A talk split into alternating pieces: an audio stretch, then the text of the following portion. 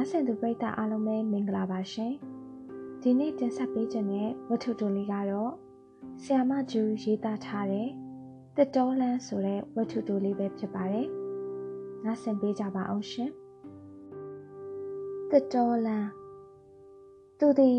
အခြားမြို့များမှစာပို့လူလင်များထုံးစံအတိုင်းလမောင်းတွင် စာပို့တစိတ်ပါသောအယောင်ဖြော့မိန်နေပြီဖြစ်သောစင်ပြဝတ်စုံကိုဝတ်ဆင်လေးရှိသည် ပခုံးတွင်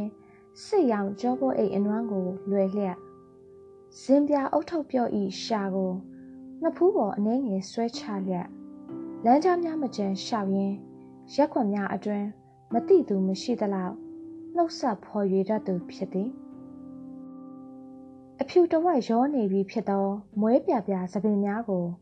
ခေါင်းလုံးစတော့ညှက်ထားသည်နှာခေါင်းတိတ်မရှိတော့လဲ မျက်နာကြပုံတွေ့သောကြောင့်တိတ်မဆိုးလာသောမျက်ခုံးမျက်လုံးနှင့်ပေါင်းဆက်လိုက်သောအခါငယ်စဉ်ကတနာကမရုပ်ကလေးဟု အများကထင်မြင်ချက်ပေးခံရသူဖြစ်သည်ယခုလောလောဆယ်တွင်တော့အသက်40သာရှိသေးလျက်အသက်50ဟုအထင်ခံရလောက်အောင်ပင်ပန်းနွမ်းနေခြင်းတံကဖိစီးခဲ့လိပြီနေပူလင်တော်၎င်းမိုးရွာလင်တော်၎င်း အယောင်လွင့်ပြေနေသောကြက်စင်တစိတ်ထီးကောက်ကြီးကိုစောင်းလျက်တအိမ်တဆင်းစာဝေငှခြင်းအလုပ်ကို မပြတ်မကွက်ဆောင်ရွက်စေတာဖြစ်သည်တောင်ကုန်းအတက်အဆင်းထူထပ်လှသောမြို့တစ်မြို့တွင်စာဖို့လူလင်တယောက်ဖြစ်နေရခြင်းမှာအနှဲငယ်ကတိကအောင်နိုင်လှတော်လဲယခုအချိန်အထိဤအလုပ်ကို သူဆွဲမြဲစွာလုပ်ကိုင်နေစေဖြစ်ပါသည် ဆက်သွယ်ရေးဌာနတွင် သူစတင်အလုပ်လုပ်ခဲ့စဉ်ကတော့လက်လှမ်းမီယာအလုပ်ကိုဖမ်းဆွဲလုပ်ကင်သည့်သဘောမျှတာဖြစ်သည်ရုံးအကူလူလင်ဘဝမှရန်ဖန်ရန်ခါစာပိုခြင်းအလုပ်ကိုခိတ္တလွှဲယူဆောင်ရွက်ခွင့်ရလာသောအခါစာပို့လူလင်ဘဝကိုစိတ်ဝင်စားလာခဲ့သေး၏သို့သောစာပို့လူလင်အလုပ်ဖြင့်လောက်တန်နည်းနည်းရလာသောအခါတွင်ကဤအလုပ်ကိုသူစိတ်ပြတ်ညှင်းငွေလာခဲ့ပြန်သည် သို့တော့ထိုအချိန်မှာတော့အလုတ်လွှဲပြောင်းလောက်ကင်ဖို့မဖြစ်နိုင်တော့ပါသူသည်စာဖို့သမားအလုတ်ကလွဲ၍တခြားဘာမျှလောက်ကင်တတ်သူမဟုတ်ပါသူသည်လူမှုဆက်ဆံရေးကျွမ်းကျင်လာရန်အမြဲကြိုးစားခဲ့ရသည်သူတာဝန်ကျသည့်ရက်ွက်များ၌ဘယ်နေရာမှာဘာရှိသည်ဆိုတာအကုန်သိဖို့တိတ်မခတ်လာပါလူတွေနဲ့ဆက်ဆံရမှာ အလိုက်အထိုက်ဟူသောဝေါဟာရအထူးလိုအပ်ကြောင်းသူသိခဲ့သည်အိမ်တအိမ်သို့မှတ်ပုံတင်ချောစာဝေရာတွင် မုတ်တတိစသည့်အစားအစာများကို လောကပြူငါကျွေးမွေးသောအိမ်ရှင်များစွာ သူတွေ့ဘူးပြီပထမတွင်တက်နိုင်သမျှရင်ကျေးဝယ်ရာညင်းဆိုလေးရှိတော်လဲခင်မင်ရင်းနှီးလာသောအခါထညက်တလုံးတလေယူစားဖို့ လေ့ကျင့်ပြီးသားဖြစ်သွားသည်စာပိုးက15ပြားတာဝန်မကျေသောစာများအတွက်ဒဏ်ကြီးပြား30ကြခံရမည်ဖြစ်တော်လဲတချို့ကတစ်ချက်သို့မဟုတ်နှစ်ချက်ပေးတတ်ကြပါသည်အကျွေပေါများစဉ်ကလေးကကြက်တံအတွက်သူပြန်အန်းလျင်ရေမောလျက်နင်းပယ်ခဲ့ကြသူကများပါသည်အချို့ကတော့အကြောင်းမဲ့တသက်လက်ဖက်ရည်ဘိုးပေးကြသူများဖြစ်သည် ဂယုဏတရားထက်တန်သူတချို့ဈေးတယ်များကဟင်းလျာအဖြစ်အသီးအရွက်များထည့်ပေးလိုက်ရင်လေကျေးဇူးစကားအထက်ထက်ဆိုရက်လက်ခံရယူလေးရှိပါသည်ဤကိစ္စမျိုးကိုခခတီးတီးငင်းပယ်ရလောက်အောင် သူခေါင်းမာသူမဟုတ်ပါသူ့လစာကြက်150တွင် ရှားပါစရိတ်နှင့်ပေါင်းမှ225ချက်သာရ၏ဟိုမှဒီမှရသော မဖြစ်စလောက်တရားကြီးကလေးနဲ့နှစ်တိုးပေါင်းပါမှ300 350ဆိုဒီမှာအနိုင်နိုင်တာဖြစ်ပါသည်သူ့မိတ်ဆွေများကရိုးအလွန်သောသူ့ကိုအာမလို့အာမရဂယုနာဒေါသောဖြင့်အလုတ်ပြောင်းသို့မဟုတ်ထွက်ခိုင်းကြတော့လဲသူကတော့ဤအလုတ်ကိုနေသားကြနေပြီဖြစ်သည်ငယ်စဉ်ကတော့တို့အလုတ်ကလူတွေပျော်ရွှင်တက်ကြစေတဲ့အလုတ်ကွာဟု ကျင်းတဲ့ယုံမှစရေးလေးကိုကြွားဝါခဲ့ဖို့သည်မင်းစဉ်းစားကြည့်ကျင်းနှန်းစာဆိုရင်လူတွေကအနိဋ္ဌာယုံသတင်းကစပြီးတွေးတာမင်းရဲ့ကျင်းနှန်းစာကိုလူတွေကထိတ်လန့်ခြင်းနဲ့စိုးရိမ်တော့ကနေဖတ်ကြမှာစိတ်မချမ်းမြေ့စရာကျင်းနှန်းဆိုရင်သူတို့ကိုဝမ်းနေစကားပြောရအောင်ပါငါတို့ကြတော့အဲ့ဒီလိုမဟုတ်ဘူးကွာစာပါတယ်လို့ပြောလိုက်ရင်မျောလင့်ချက်တွေအားထုတ်မှုတွေနဲ့ရောနေတဲ့ စူးစူးဆန်ဆန်မျက်နှာမျိုးနဲ့လာယူကြတာတချို့ဆိုစာဝေချိန်ရောက်ရင် စာပို့တဲ့သူကိုမျောတောင်းမျောနေကြသေးလူတွေကလည်းအသေးအတန်ဖြစ်နေတဲ့သတင်းတို့ဘာလို့ဆိုရင်ကျင်းနဲ့ရိုက်ကြတာများတယ်လေကွာစာထဲမှာတော့မာချောင်းတာချောင်းတွေမင်္ဂလာဖိတ်စာတွေခွဲခွာနေရသူချင်းတတိရတဲ့အကြောင်းတွေအတွေ့အကြုံနှီးနှောဖလှယ်တာတွေဟိုစင်တုံးကတော့သူ့မြောက်ဝန်းမှာ မိမိ၏အလုတ်အပေါ်စိတ်ဝင်စားခြင်းကျင့်နှက်ခြင်းတို့ဖြင့်တောက်ပနေခဲ့သည်ယခုတော့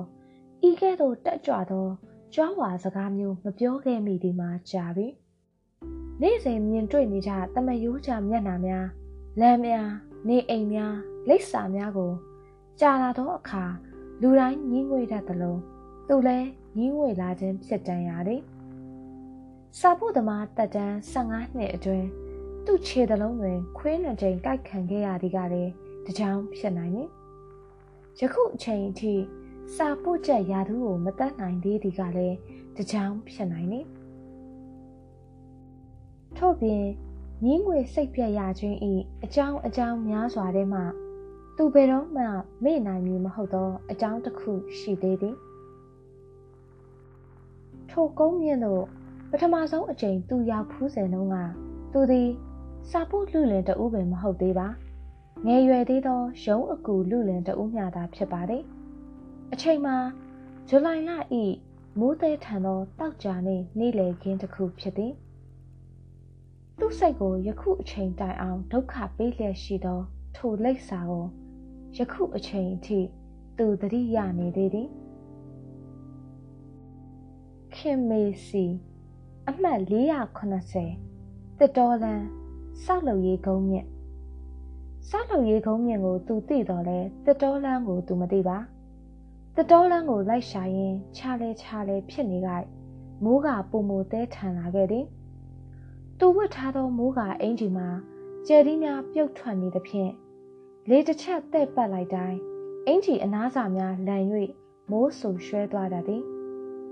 နောက်ဆုံးတွင်လမ်းထောင်ချိုးတစ်ခုမှထွက်လာသောလူတစ်ယောက်ကိုမေးချီလိုက်မှ သူလွန်လာခဲ့သောလမ်းတစ်ခုသို့ပြန်လှည့်ရသည်လမ်းနမဲကိုတိုင်ဆိုင်၍တော်၎င်းပင်စီတစ်ခုတွင်တက်လျက်တန်ရိုက်၍တော်၎င်းဆိုင်းပုတ်ဖြင့်ပြမထားလျင် သူလိုလက်တင်စာပို့သမားများအလွန်ဒုက္ခရောက်ရတတ်ပါသည်တတော်လန်းသည်ကြောက်စရက်ခဲအနှဲငယ်မျှသာပြန်ကျဲနေသောညီနီလန်းအတက်တစ်ခုဖြစ်သည် ပြေလျှောသောတောင်ကုန်းတစ်လျှောက် မြည်ကျင်သောရှင်စေးရည်များစီးကြနေအောင်ကြောက်စရဲခဲများတစွန်းတစပေါ်လာအောင်မိုးကဝေကနေသွန်းချလာသောအခါသူဤမိုးကအင်ကြီးရင်ဘတ်စာကို သူဆွဲပိတ်၍ပြတ်တော်မလို့ဖြစ်နေသောတရေဖဏတစ်ဖက်ကိုညှာကဒီကျဆွဲလျက်ရှောက်ခဲ့ရသည်ကို သူမှတ်မိသည်လမ်းတစ်လျှောက်ခြံဝင်းကျယ်များကိုသာတွေ့ရ၏အိမ်နှင့်ခြံတကားဝေးလံပြီးတစ်ပင်များအုပ်ဆိုင်လျက် လူရိပ်လူကြီးပင်လုံးဝမတွေ့ရသောလမ်းဖြစ်သည်လမ်းဘေးတစ်ဖက်တစ်ချက်တွင်မြင်မာသောတပ်ပင်များ၏အောက်ခြေရှိအပွင့်သေးသေးရောင်စုံများပွင့်သောစိန်နှပန်ခြုံပုတ်များစီမှစိမ့်ရွှေရွှေပန်းရနံ့ကိုတစ်ကိုင်းစုံနက်ရှုညည်နံ့နှင့်အတူရှူရှိုက်ရသောအခါထိုနေ့လေခင်းသည် အလွန်မနှစ်မြို့စရာကောင်းသွား၏ဒီလိုနဲ့မင်းတောင်ကုန်းထိပ်သားရောက်လျက် ခြံမှတ်480ကိုမတွေ့ရအနီးနားမှာလဲစုံစမ်းစရာကွန်းရဆိုင်စသည့်လမ်းဘေးဆိုင်များမဖွင့်ပါခြံမှတ်468နဲ့469ဟုထင်ရသောခြံများမှာဂုံးထိတ်မရောက်မီဖာလုံဝက်ခန့်ဝေး၍ကြံခဲ့ပြီးလိပ်စာမှားလေသလားဟူသောအတွေ့ကပထမဆုံးဝင်လာသည် သူအလွန်စိတ်မောသွားပါသည်ထိုစာသည် ထိုနေ့အတွက်သူဝေရမည့်နောက်ဆုံးစာလည်းဖြစ်၏ဆောက်လုပ်ရေးဂုံးမြင့်ထိပ်တွင်မိုးတက်တဲ့၌ခဏရက်နေပြီးနောက်သူပြန်ဆင်းလာခဲ့သည်အစင်းတွင်သူခြေချော်၍လဲလူမတက်ဖြစ်ခဲ့သေး၏ကံကောင်းထောက်မှစွာအဲ့ဒီတော့ကဖက်နှက်သေးတုံးမပြတ်ခဲ့ပါချမ်းအမှတ်468ရှေ့ရောက်တော့မိုးရေထဲတွင် မြေဖို့နေဟန်တူသောပေါတူးကင်လူကြီးတယောက်ကိုတွေ့ရသည် တက်ကြွမှုကင်းစွာဖြင့်သူမေးချီသောအခါအဖိုးကြီးကမျက်မှောင်ကျုပ်၍စဉ်းစား၏ဂုံးထိတ်ဟိုဘက်အစင်းမှာတော့ခြံတစ်ခုနှစ်ခုရှိသေးတယ်ကွာအရင်ကတတော်ဝင်တော့ကြီးနေသွားတဲ့အိမ်တွေနံပါတ်တော့မသိဘူးနာမည်ဘယ်သူတဲ့လဲခင်မေစီတဲ့ဟေးသူ့အဖေနာမည်ရောမပါဘူးဗျဒီနားတော့အဲ့ဒီနာမည်ငါမသိပါဘူး မင်းဂုံးထိတ်အစင်းကအိမ်တွေမေးကြီးกว่าအဖိုးကြီးကပြောပြောဆိုဆိုတစ်ဖက်ခြံတွင်းသို့ဝင်သွားသည်ဤတွင် ပထမဆုံးသူစဉ်းစားရသည်မှာပြက်လူတဲတဲဖက်နှက်အတွက်ဖြစ်ပါသည်ခေါင်းမပြက်လင် သူမြည်တို့များစီး၍ဖြစ်နိုင်တော့မည်မဟုတ်ပါသူတွင်တွေ့ချိတ်ပင်အပ်စသည့်ပစ္စည်းများလည်းမပါပါနောက်ပြီးမိုးတဲတဲတွင်ဖက်နှက်ပြက်ခံပြီးလိပ်စာကိုလိုက်ရှာ၍တွေ့သည်ထားအောင် မိသူကားများစံပြလှုပ်သားစုပေးမည်မဟုတ်ပါထိုစာကိုအိတ်ထဲမှာအသေးချာထည့်သိမ်းပြီးမှ သူပြန်လာခဲ့သည်တနင်္လာနေ့နေခင်းပိုင်းတွင်တတော်လန်းသို့သူတစ်ခေါက်ပြန်လာသောအခါနေတာသောနေ့တစ်နေ့ဖြစ်နေပြန်၏တကယ်တော့အဖိုးကြီးပြောသလိုပင်ခြံအမှတ်480သည်496နဲ့အတူဆောက်လုပ်ရေးကုန်းမြင့်၏တစ်ဖက်အစင်းတွင်ရှိနေသည်ထိုလန်းသည် တတော်လန်းနှင့်တစ်ဆက်သေးဖြစ်တော်လဲ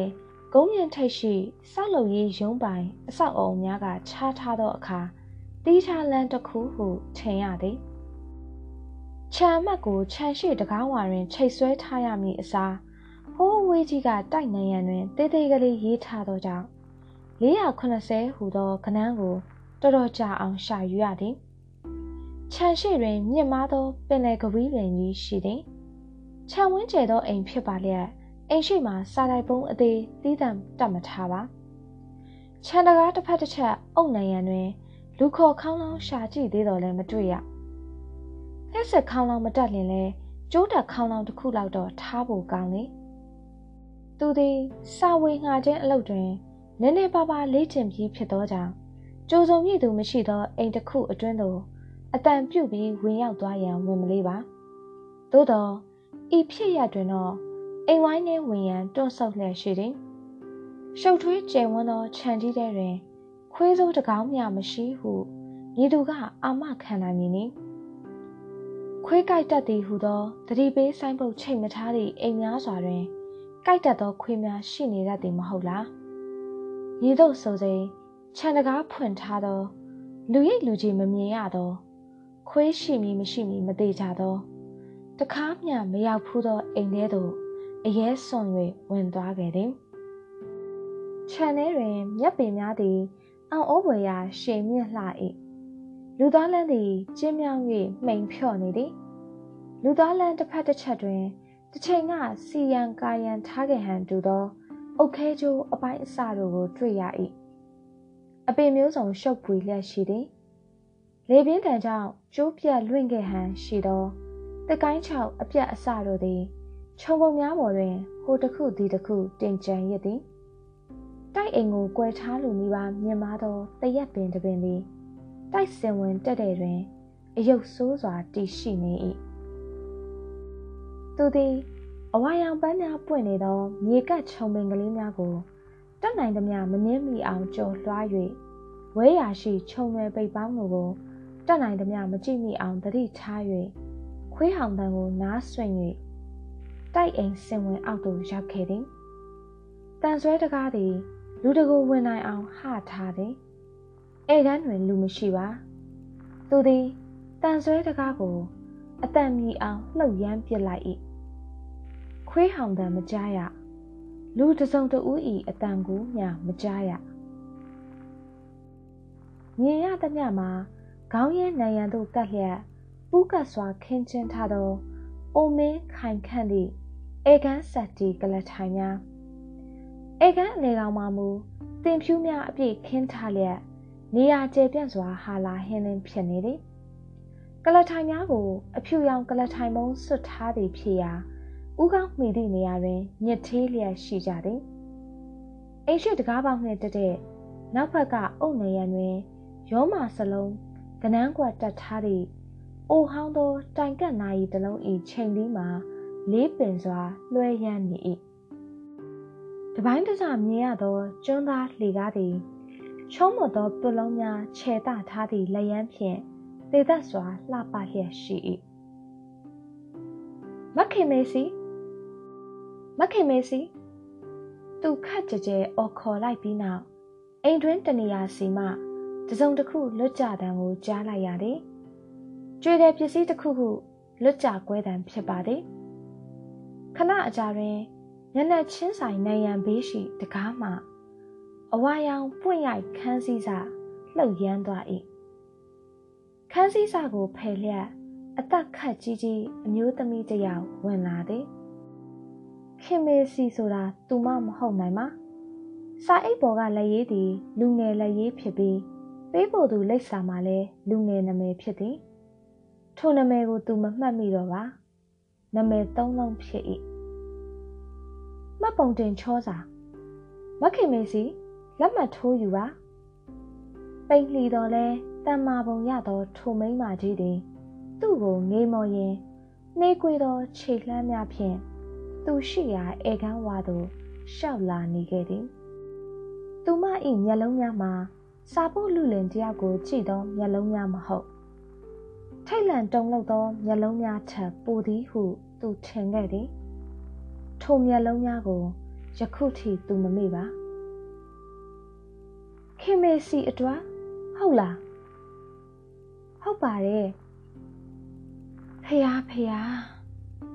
သူကစာလှမ်းပေးတော့လဲမိမကြီးကစာကိုလှမ်းမယူပါသူမသည်ရုတ်ချီအင်အားဆုပ်ယုပ်သွားသလို တင်ဖြူခင်းထားသောတမန်တလင်းပေါ်သို့ရိုင်နဲ့စွာထိုင်ချလိုက်လေသည်ထိုခဏမှာပင်သူမမျက်လုံးမှမျက်ရည်များတလိမ့်ချင်းကျလာခဲ့တော်သည်သူတော်တော်အံ့အားသင့်သွားပြီးဘာဆက်ပြောရမှန်းမသိအောင်ကြောင်သွားခဲ့သည်သူမသည်ဒူးတစ်ဖက်ထောင်ကခြေပြက်လက်ပြက်ထိုင်ချလိုက်ခြင်းဖြစ်သည်ထောက်ထားသောဒူးပေါ်သို့တရောင်စစ်ကွေးတင်လျက်မျက်နာကိုထိုလက်ပေါ်သို့မှောက်ချလျက်ရှိသည် ထိုပုံစံမှာစာပို့သမားများမြင်နေကြအိမ်ရှင်ပုံစံမျိုးမဟုတ်ပါသူသည်ယူကျုံမရစိတ်ဒုက္ခရောက်နေသူအတော်ကြီးကိုဘလို့နှစ်သိမ့်ရမှန်းမသိပဲဖြစ်နေသည်ဤကဲ့သို့စိတ်ကျဉ်းကျပ်မှုမျိုးကို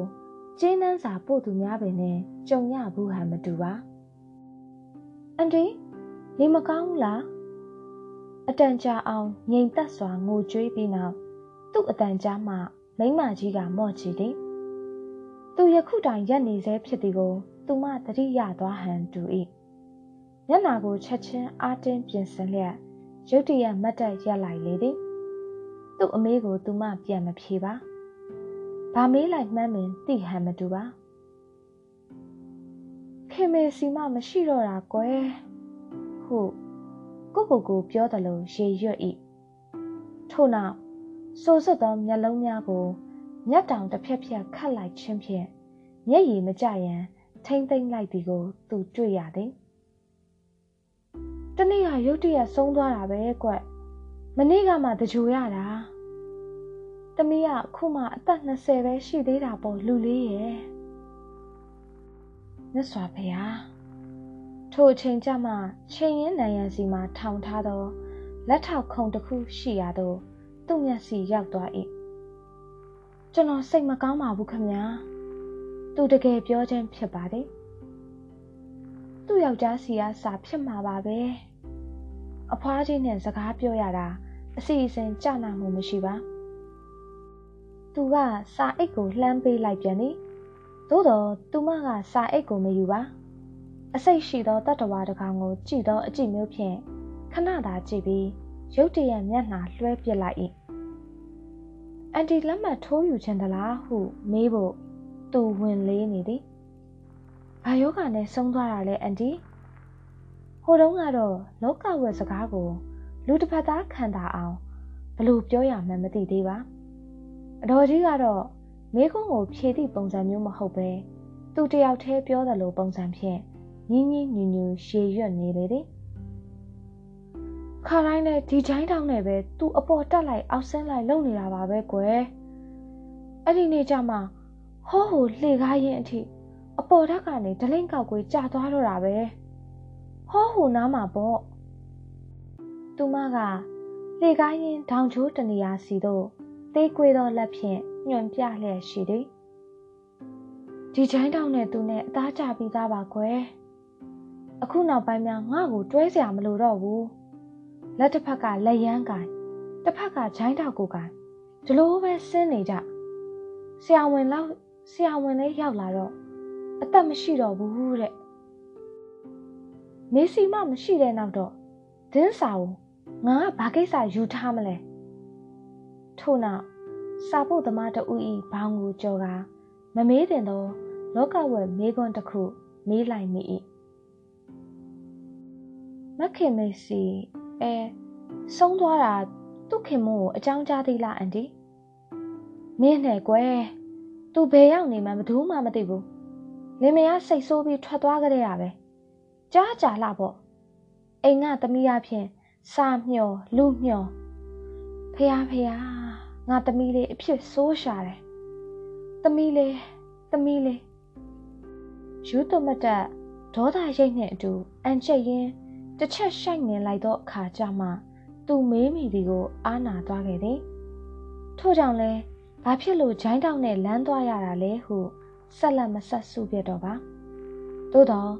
သူတိတ်တိချင်နေသောမိခွန်းတစ်ခုကိုတော့မေးဖြစ်အောင်မေးလိုက်မိသေး၏ဟိုအန်တီသမီးဆုံးတာတောက်ကြနေလားယင်သူမကသူ့ကိုဖြတ်ခနဲကြည့်လျက်